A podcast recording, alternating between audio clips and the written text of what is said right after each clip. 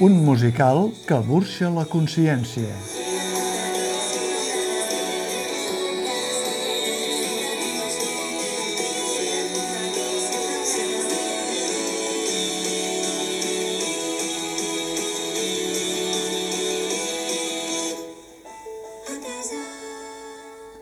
La nit de Nadal de l'any 2015, a la població de Rubí, l'Alan Montoliu, que havia nascut el 1998, va decidir als 17 anys acabar amb l'assetjament transfòbic que patia. No es deia Mia, es deia Alan. No era una noia, era un noi. No volia la definició femenina al carnet d'identitat, sinó la masculina. No volia només que la llei li reconegués un canvi de nom. Alan Montoliu va optar per barrejar medicaments i alcohol aquella nit de Nadal, cosa que li va provocar un fulminant atac de cor.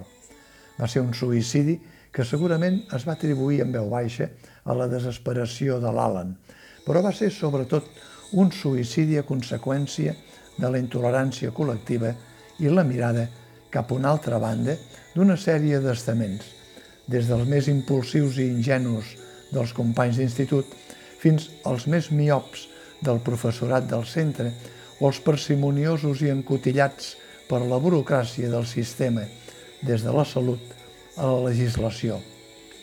Han passat més de set anys d'aquell fet tràgic que va colpejar la família de l'Alan. S'han retocat lleis, s'han sensibilitzat educadors, psicòlegs, metges i funcionaris.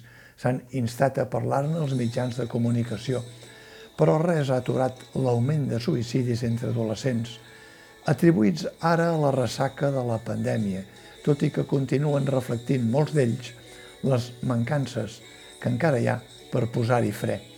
Set anys després de la decisió de l'Alan, el cas de la població de les bessones de la població de Sallent, el més recent, es repeteix com si no hagués passat el temps. Hi ha un buit que cal cobrir amb urgència. I això és el que intenta fer aquest espectacle musical de Marc Puig i Mateu Pere Miquel. Ella, autora del text de part de la dramatúrgia a quatre mans i també bona part de la direcció. I ho fa amb una acurada sensibilitat, sense ferir ni gratar més del compte en la ferida. Com es porta a escena un musical dramàtic quan la mare de l'adolescent en qui es basa la dramatúrgia és present a la platea? Doncs amb la capacitat de reconvertir un drama personal i familiar en una lliçó d'advertència per a la societat que l'envolta. La dels joves? Potser sí, però diria que principalment la dels adults. Si bé Alan és un musical totalment recomanable per a adolescents, la mateixa companyia adverteix que no està pensat per a menors de 10 anys, encara ho és més per a pares en procés d'educació dels seus fills, per a pares en procés de comprensió de les inquietuds dels adolescents que els venen al darrere, per als responsables de la salut, per als responsables de l'educació i per als responsables de fer complir la legalitat sense entrebancs. És a dir, un musical sense fronteres tret de les esmentades de les edats més baixes. Es podria pensar que l'espectacle és un exercici més d'autoajuda que moralitza sobre el fet de la transició de gènere. Però és molt més que això. Conté una banda sonora molt enganxadissa i una dramatúrgia amb un seguit d'escenes que enllacen les unes amb les altres sense cap mena de pausa. Els dos músics intervenen en directe. Un dels intèrprets, Cisco Cruz, fa d'avi, de mestre, de psicòleg, de pinxo, i em sembla que encara em deixo algun altre personatge. L'espectacle manté un ritme que en tot moment torna a la tonada matriu que fa que quedi impresa en la memòria de cadascú i compta amb un repartiment que excel·leix a l'hora de les interpretacions, que sovint són en solitari. Els dos intèrprets més veterans, Patricia Paisal, la mare de ficció, i Cisco Cruz, en diferents papers ja esmentats, perquè tenen els genolls pelats de trepitjar escenaris musicals.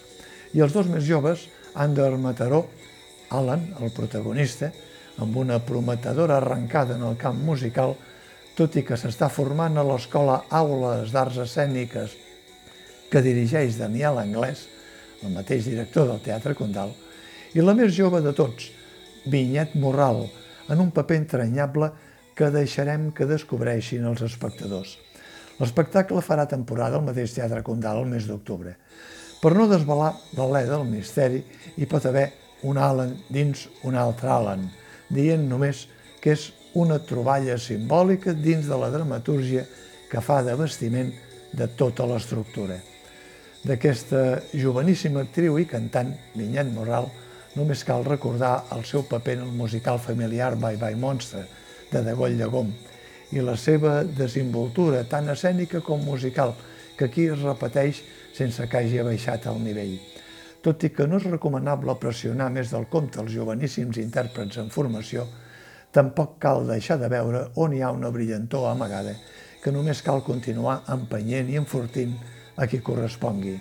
La pedrera és important, els anys passen volant i és aquesta continuïtat i aquest relleu en el sector el que garantirà que el musical català no es dilueixi en el camí ple de dificultats per on actualment transita.